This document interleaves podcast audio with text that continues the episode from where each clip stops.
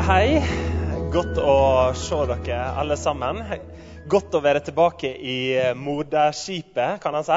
Jeg heter Halvard Roasnes og er pastor i Filadelfia-kirken Majorstuen, som er en, eh, en av våre flere kirker på ulike steder i Filadelfia-kirken.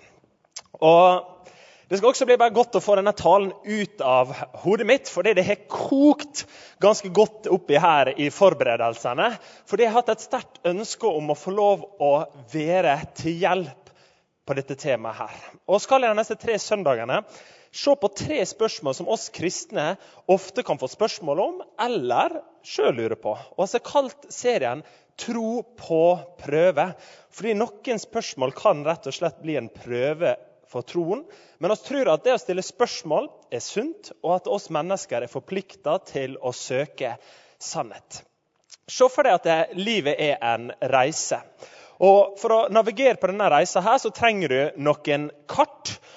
Og I kartet så ser du at det er en holme der, det er en holme der. Og så må du forsøke å kjøre rundt. Det er åpenbart. Men det du ikke visste, var at kartet var ufullstendig. 19.1.2004 gikk skipet MS Rocknes på grunn. Årsaken var unøyaktige sjøkart der farlige grunner ikke var riktig merket. Resultatet ble forlis, og flere mennesker omkom. Feil kart kan altså gi katastrofale konsekvenser. Og feil kart kan føre til at min og din tro kan gå på grunn. Fordi Jeg tror at vi ikke alltid tar oss tida til å virkelig tenke gjennom de store spørsmålene i livet. Og Fordi vi ikke har tenkt så stort gjennom det, så tror jeg at oss alle kan dessverre operere med noen feil eller litt forenkla kart for livet. Og Kartet det holder så lenge han har flaks. Men når ulykken rammer, så holdt ikke lenger kartet.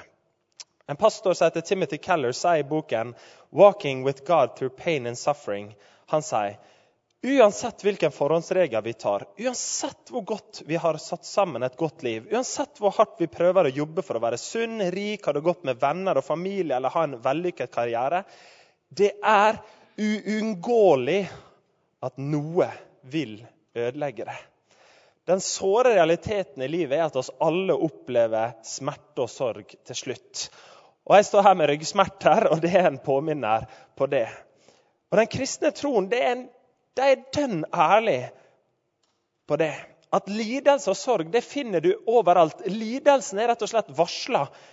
Vi finner det i klagesalmene, i Jobbs bok, i Paulus' kamper, i Jesus som gråter. Bibelen tegner ikke et glamorøst bilde av vår tilværelse, men oss kan av og til i vår iver love for masse på vegne av Gud. Poenget mitt er at vi må ha et riktig kart, en riktig forståelse av virkeligheten, slik at vi ikke treffer på disse uventede skjærene som skroter troen. For hvis vi reduserer Gud til å være en sånn magisk lykkeamulett som skal holde oss unna fare, i stedet for en venn som kan følge deg gjennom alt du møter, så vil troen åpenbart lide hardt ved første skjær. Med det som bakteppe så kan vi sammen gå inn og utforske dette store spørsmålet det ondes problem. Og Det er ikke et nytt spørsmål, men det er et veldig gammelt spørsmål. Som menneskene bokstavelig talt er stilt i flere tusenvis av år. Epikur, en filosof 300 år før Kristus, sier dette her. Hvis Gud vil, men ikke kan, er han avmektig. Hvis han kan, men ikke vil, er han ond. Hvis han både kan og vil avskaffe det onde, hvordan kommer da det onde inn i verden? Altså Forenkla kan han si hvis Gud er kjærlighet, så må han ville fjerne det onde. Hvis Gud er nei, allmektig, så må han kunne fjerne det onde. Men så fins jo ondskap og lidelse, og det synes å motsi at Bibelens kjærlige og allmektige Gud finnes. Og for enkelte, kanskje for de som ikke tror, så er dette et eksistensielt spørsmål. Men for mange av oss som møter på smerte og lidelse i våre hverdager, så er dette også et dypt personlig spørsmål. Og som nevnt så er åndesproblemet et spørsmål menneskene har jobba med veldig lenge. Og Jeg kommer ikke til å finne den endelige løsningen med to streker under svaret i løpet av de neste minuttene heller. Eh, men det betyr ikke at det finnes svar. Gjennom mine teologistudier og masse bøker så har jeg blitt introdusert til flere kloke tenkere som har klart å løse opp noen sånne motsetninger, har klart å løse opp noen spenninger. Og så har de fått lov å peke på hva svaret ikke er. Og det har fått lov å gi meg en større klarhet, en større hvile, en større fred og trøst i disse spørsmålene. Og min bønn er at du skal få lov å forhåpentligvis få noe av den samme effekten av det i dag. To klassiske måter å møte dette spørsmålet på. Det ene er betoningen av menneskets frie vilje. Oss sjøl har rota det til. Og det gir ganske sånn eh, make sense. ikke sant? Det er veldig masse dårlige ting som skjer i verden, som står på vår kappe. Og Betoningen av menneskets frie vilje synes jeg gir et tilfredsstillende svar på spørsmålet på et filosofisk nivå. Han peker altså bakover til syndefallsfortellingen til de første sidene av Bibelen, der vi leser at mennesket valgte å trosse Guds gode vilje av fri vilje. Å velge det som var galt, og slik introdusere ondskap i verden. Og Siden så har oss mennesker gjort det samme. Oss også har fått ressurser til å velge både godt og ondt, selv om oss i mye større grad ble påvirka av synden, i motsetning til Adam og Eva. Men oss også gjør dårlige valg hver dag. Men kan vi spørre Måtte mennesker ha fri vilje? Kunne ikke han skapt verden annerledes? Kirkens svar på det er at mennesker er skapt til fellesskap med hverandre og med Gud, og at en forutsetning for kjærlighet og fellesskap er fri vilje. Kjærlighet må være et valg. Det å velge kjærlighet istedenfor ikke-kjærlighet som likegyldighet eller hatt.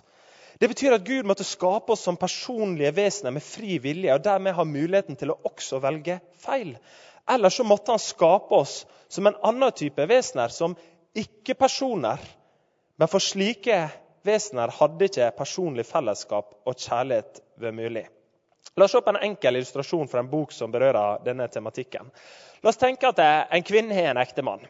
Og Bak på ryggen så har han en minidatamaskin som hun kan programmere hva han skal gjøre. Og hun programmerer en, ja, I løpet av neste ukene så skal han lage mat til meg, eh, han skal si at han elsker meg, og så skal han initiere sånne lange prater på kvelden. Drømmescenario for mange kvinner, eller? Eh, og, så, og, så, kommer mannen da hjem fra jobb, eh, nei, kvinnen hjem fra jobb, og så står mannen der i døra. 'Hei, kjære. Å, jeg elsker deg.' 'Og så har jeg laga middag til deg.' Og kanskje vi skulle ha satt oss ned og prata i hele kveld. Har ikke det vært fantastisk? Jeg tror det. Det tror jeg mange hadde likt. Men ville jeg så tenkt det var kjærlighet? I hvert fall etter hvert. Hadde, hadde det rørt oss, hadde vi fått tårer i øynene? Sannsynligvis ikke. For, jo, for det, denne dama ville jo visst at det ikke var kjærlighet. Den fiktive ektemannen var jo en robot. Hennes robot. Og kan ikke forstås som en ekte person med ekte kjærlighet.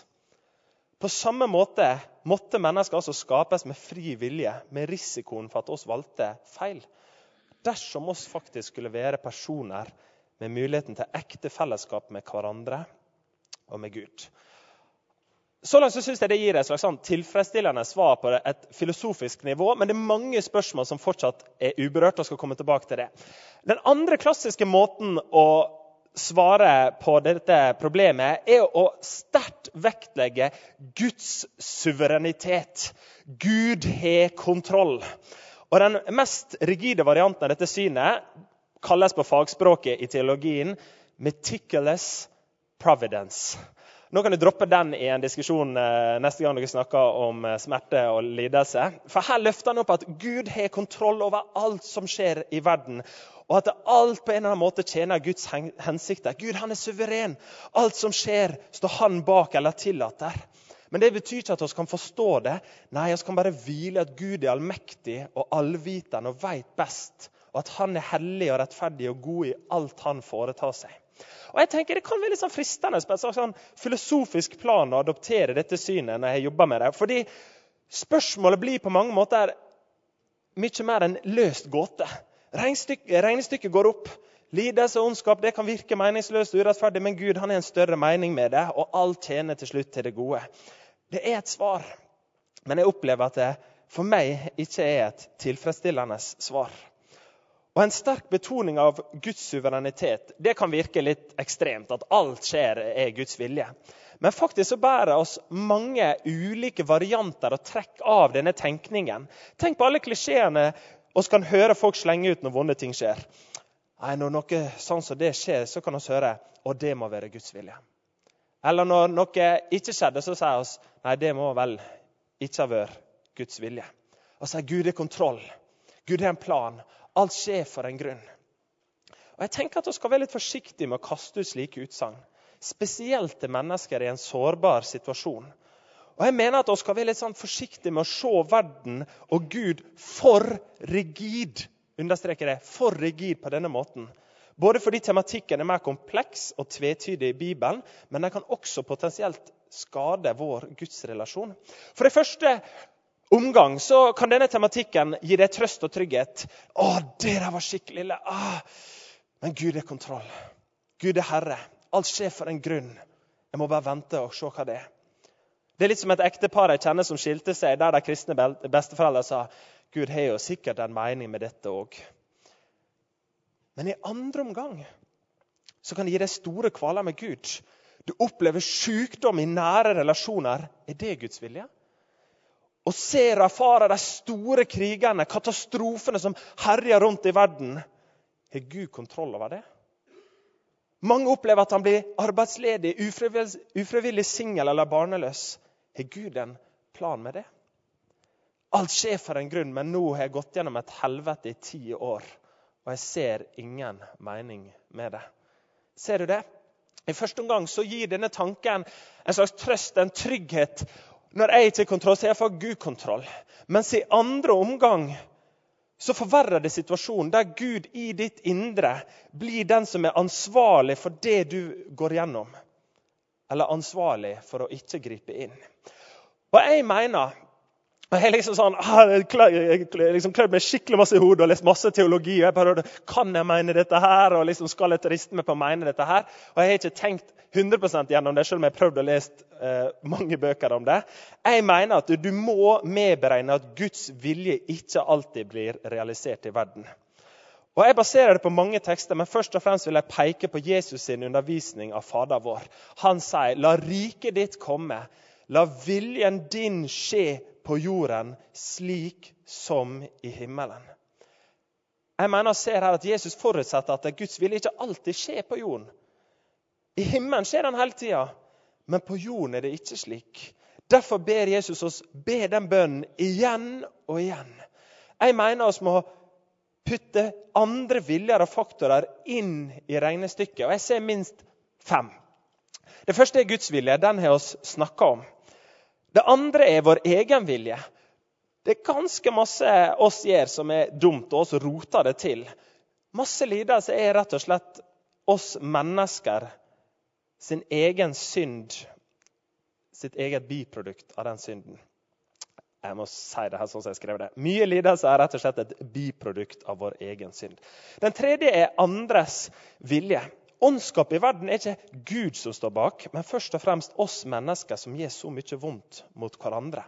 Den fjerde det er overnaturlige skapninger, også kalt djevelen og hans demoner i Bibelen. Og jeg vet, i vårt sekulære Norge, der vi ønsker å være skikkelige, så virker det litt sånn ukultivert å tro på det i dag. Men jeg vil faktisk argumentere for det motsatte.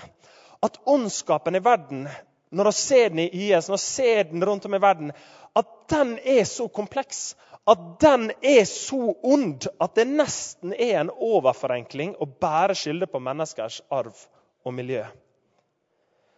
Og Det femte er ikke-moralske onder eller kaos. Et kristent verdensbilde medberegner at verden har blitt skada. Den fungerer ikke 100% slik den skal. Derfor får oss kaos som katastrofer, jordskjelv og sykdom osv. Det betyr ikke at Gud står bak det.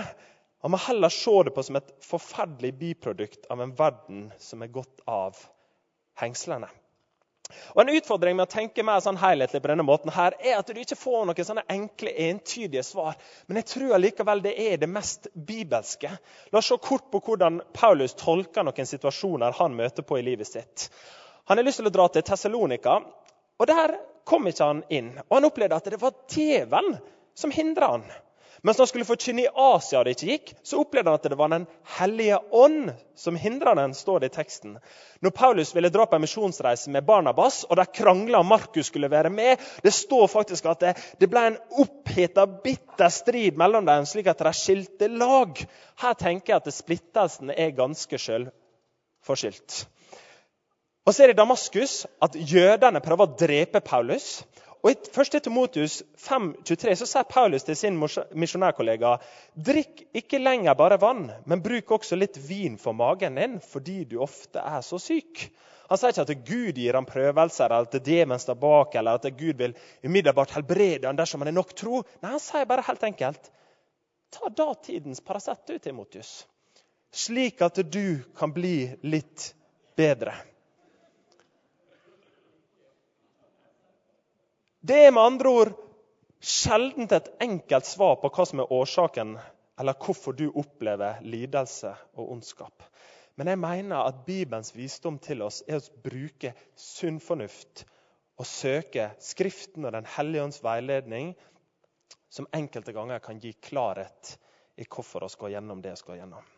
Og Jeg håper dette kan få lov med, med å justere kartene våre, slik at vi ikke lenger treffer på disse uventede skjærene som kan gjøre stor skade på troen. Men hva om hvorfor ikke er det beste spørsmålet? Når vi møter åndens problem, så ønsker jeg og du veldig ofte en forklaring og spør hvorfor skjer dette her. Mens i stedet så møter oss i Bibelen og i Jesus at Gud gjør noe med ondskapen og får en løsning og en invitasjon. Derfor er det kanskje bedre å spørre hva gjør Gud med det onde? I den første Narnia-boken 'Løven og heksa og klesskapet', som C.S. Lewis publiserte rett etter andre verdenskrig, møter oss en spennende fortelling om kampen mellom det gode og det onde. I fortellingen møter oss fire britiske søsken, Lucy, Edmund, Susan og Peter, som ble evakuert fra London under krigen til deres professors hus på landet. Der finner de et garderobeskap som er en portal til fantasiverdenen Narnia. Men Narnia er ikke slik det er meint til å være. Urettsmessige herskere har tatt kontroll. Den hvite heksa har sammen med onde makter innført et ondsinnet styre. Naturen også er ødelagt. Den hvite heksa har laget en evig vinter i Narnia, men uten jul. Men det er håp. Det ryktes om at løven Aslan, Narnias sanne konge, som har vært borte lenge, nå er tilbake. Barna går etter hvert sammen med løven Aslan og lager en allianse med opposisjonen for å bekjempe den hvite heksa og hennes hær. Det hele kulminerer i at Aslan dør en soningsdød for Edmund, som hadde falt i heksas grep. Men pga. gode krefter så kommer morgenen, og så står han opp. Og så vinner det gode, og heksa blir bekjente. Og Narna får endelig igjen oppleve våren, det grønne, det vakre. Og at livet blir slik det var tenkt til å være. Kjenn oss igjen den bibelske fortellingen? Jeg syns C.S. Lewis tegner et vakkert bilde av Jesus sitt frelsesverk og frelsesplan. Og Med den bakgrunnen, la oss høre teksten i Romerne alle dør pga. sitt slektskap med Adam. På samme måte står de opp til et nytt liv, de som lever i fellesskap med Kristus. De døde står opp i en fast rekkefølge. Først sto Kristus opp, Aslan. Og når han kommer tilbake, skal alle de som tilhører ham, stå opp. Så kommer dommens dag, da Kristus skal overgi all makt til Gud, Far i himmelen, etter at han har tilintetgjort alle makter og krefter. Kristus må nemlig regjere til han har lagt alle fiender under sine føtter. Og den siste fienden som blir tilintetgjort, er døden. Gud er ikke i samarbeid med ondskap, Gud er i krig med ondskap. Og den siste fienden han skal bekjempe en gang for alle, er døden. Verden er ikke slik den er meint til å være. Det hviler en vinter over verden der urettmessige makter og krefter fortsatt er innflytelse. En verden der mennesker fortsatt gjør vonde ting. Men det er håp. Kongen vår og vår frelser, Jesus Kristus, er kommet med en løsning, en frelse, der han på korset er betalt for en utvei, der vi kan få lov til å få tilgivelse og et nytt liv ham, i ham. Han har fridd oss fra synden, ondskapen og dødens grep. Og Den frelsen kan oss allerede få oppleve her og nå, og fullt ut når Jesus en gang skal gjenopprette vår tilværelse fullt og helt. Og Her kommer vi til de som er på misjon, vært her på misjonskonferanse eller jobber med misjon eller bistand. Han inviterer oss til å delta i hans misjon i verden. Han inviterer oss til å sette mennesker og samfunn fri, fra det livet, fri til det livet de er kalt til. Han kaller oss til å bekjempe urettferdighet og ondskap sammen med han. Til å helbrede og lindre lidelse sammen med ham. Til å gjøre livet bedre her og nå og peke på det livet som en gang skal komme. Det er det store perspektivet av hva Gud gjør i verden, og hva Gud gjør med det ondes problem. Og Det gir oss håp og trøst, og oss har fått en invitasjon til å være med. Men vi kan også spørre hva gjør Gud med det vonde i vårt eget hverdagsliv? da? Jo, jeg vil si to ting. Det første er at Gud har en egen evne til å snu det vonde til noe godt For vi vet at alt tjener til det gode for den som elsker Gud, dem han har kalt etter sin frie vilje. Dette mener jeg må ikke forveksles med at alt som skjer i ditt liv, er Guds plan. Men Gud kan ta vonde ting som skjer i livene våre, og snu det til noe godt. Jeg tenkte nesten som at Gud er en verdensmester i judo. Eh, det er en kampsport der metoden er å utnytte motstanderens bevegelse og kraft til egen fordel. Han får altså slaget som han får imot, og så griper han det og så snur han det til et kast som setter motstanderen ut av spill. Slagene jeg og du får mot oss, griper altså Gud tak i. Og så snur han det til noe meningsfullt, og slik setter det vonde ut av spill. Mange mennesker forteller om livskriser i livet som var forferdelige når de var midt i det, men som sier i etterkant av krisen at det likevel førte til noe godt i deres liv. Det kan være endrede holdninger, nye livsvalg, en mulighet til å hjelpe andre. Det andre er at Gud vil være med oss gjennom vanskelighetene, eller ta oss rundt vanskelighetene. Ganske tidlig i min etterfølgelse av Jesus fikk jeg en overnaturlig opplevelse som viste meg paradokset av at Gud ikke hjelper oss alltid over vanskelighetene, men er med oss gjennom vanskelighetene. Jeg hadde nylig kommet hjem fra bibelskolen og var da enda flinkere til å be i mitt eh, liv. Så jeg satt der en morgen og så opplevde jeg å få en tanke i hodet. Og den tanken var du skal gå til denne damen her i 30-åra og fortelle at jeg ser det vonde som hun går igjennom. Og så fikk jeg en tanke at det var to spontanaborter. Og jeg vet det er tøft, oss også gikk gjennom en spontanabort. Jeg sendte en melding om at vi kunne ta en prat. og Hun tok med seg svigermora og satte oss ned for å prate på kjøkkenet hjemme hennes. Det ble virkelig et rørende møte som jeg aldri kommer til å glemme. Jeg hadde ikke hatt kontakt med henne på kjempemange år. Jeg visste ingenting om situasjonen. Men så kunne jeg fortelle at jeg hadde opplevd og fått en tanke om at hun hadde mista to barn. Og så kunne hun dele at det var akkurat det hun hadde opplevd, og slitt i en utrolig krevende situasjon. Og Mens hun står der og prater på kjøkkenet, så får jeg et bilde jeg har ikke fått et sånt bilde igjen, av at hun knuser tallerkenene på kjøkkenet. Og så jeg, jeg ser et bilde av Gud. Du knuser tallerkenene på kjøkkenet og roper til Gud.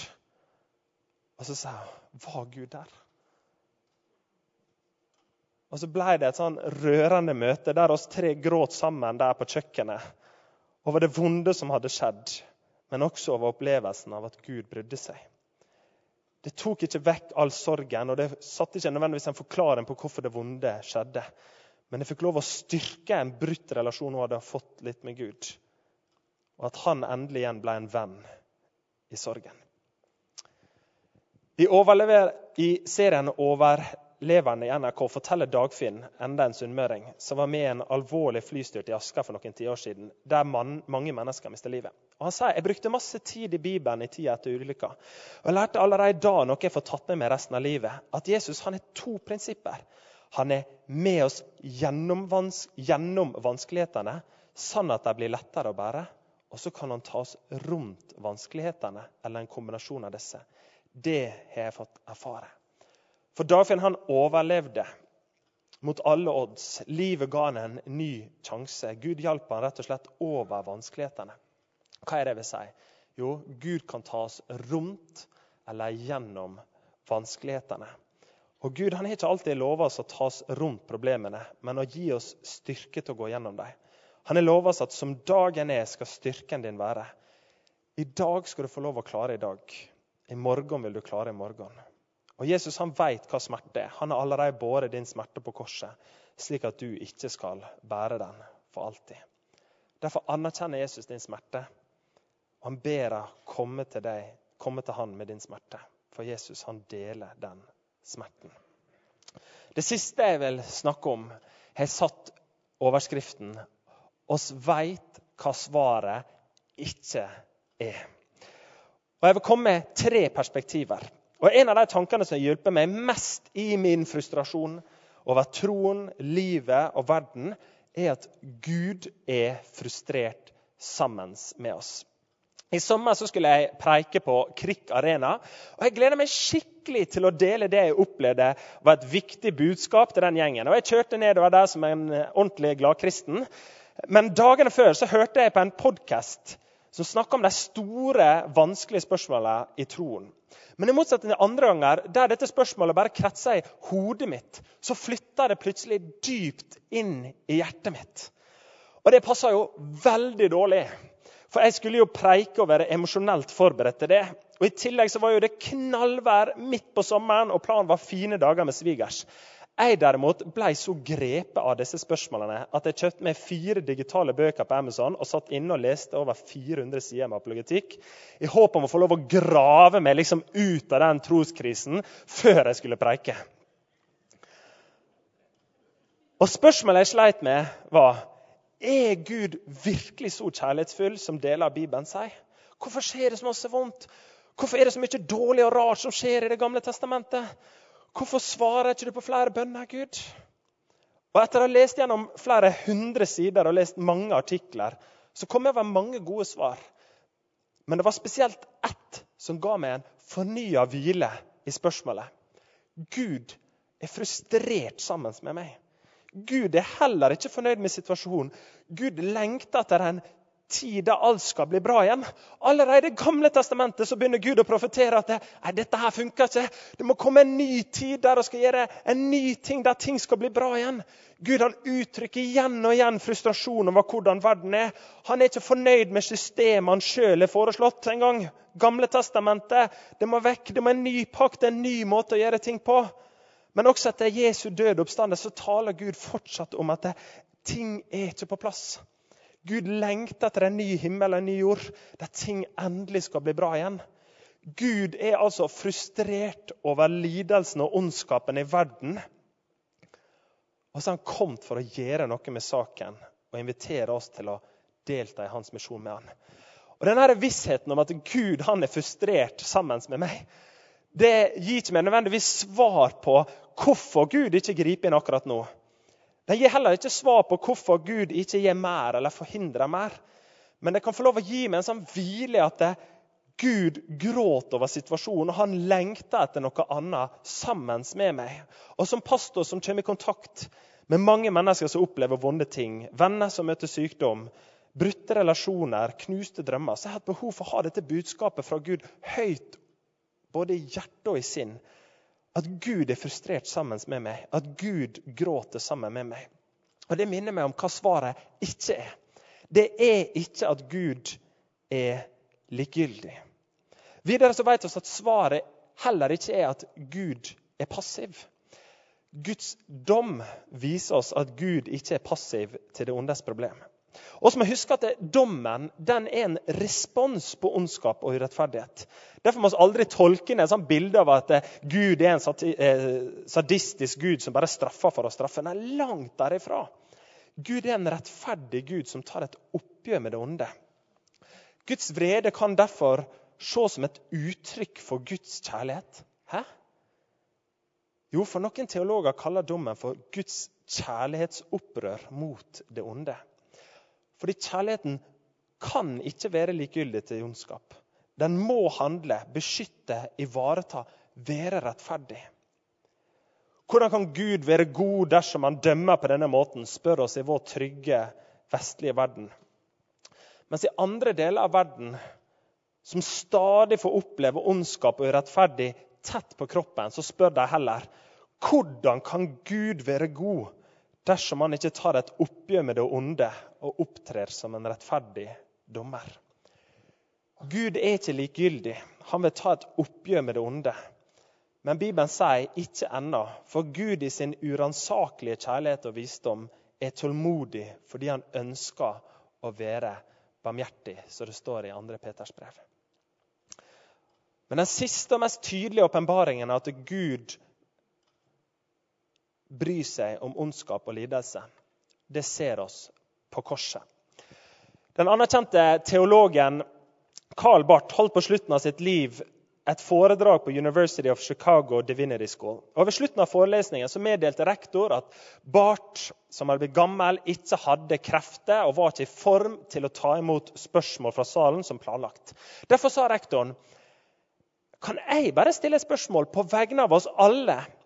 Av all teologisk kunnskap og forståelse du har tilegnet deg, hva mener du er det største og viktigste? Jeg tenker Det er et utrolig spennende spørsmål til en mann som bokstavelig talt hadde skrevet titusener av sider av den mest sofistikerte og høytaktede teologien i nyere tid. Og Studentene satt der klar med penn og papir, klar til å skrive ned den fremste innsikten til en av de store teologene i deres tid. Og Karl Barth han lukka øynene, og så smilte han. Og Så åpna han øynene sine og sa til de unge studentene den største teologiske innsikten jeg noen gang har fått, er dette. Jesus loves me, this I know, for the Bible tells me so. Barth siterte en enkel strofe fra en kjent kristen barnesang. Jesus loves me, this I know, for the Bible tells me so. Jeg tenker at det, dype ofte kan ligge i det enkle. Hva sier da Bibelen? Hva forteller Bibelen om Jesus? En av de tekstene som igjen og igjen rører meg, er teksten fra Jesaja. Sannelig, våre sykdommer tok han. Våre smerter bar han. Vi tenkte han er rammet, slått av Gud og plaget. Men han ble såret for våre lovbrudd, knust for våre synder. Straffen lå på han. Vi fikk fred.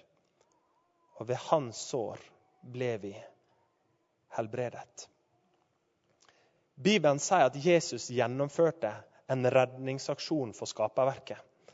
Og han måtte betale for våre synder, slik at han en gang kan gjøre slutt på ondskap og lidelse uten å samtidig gjøre slutt på oss.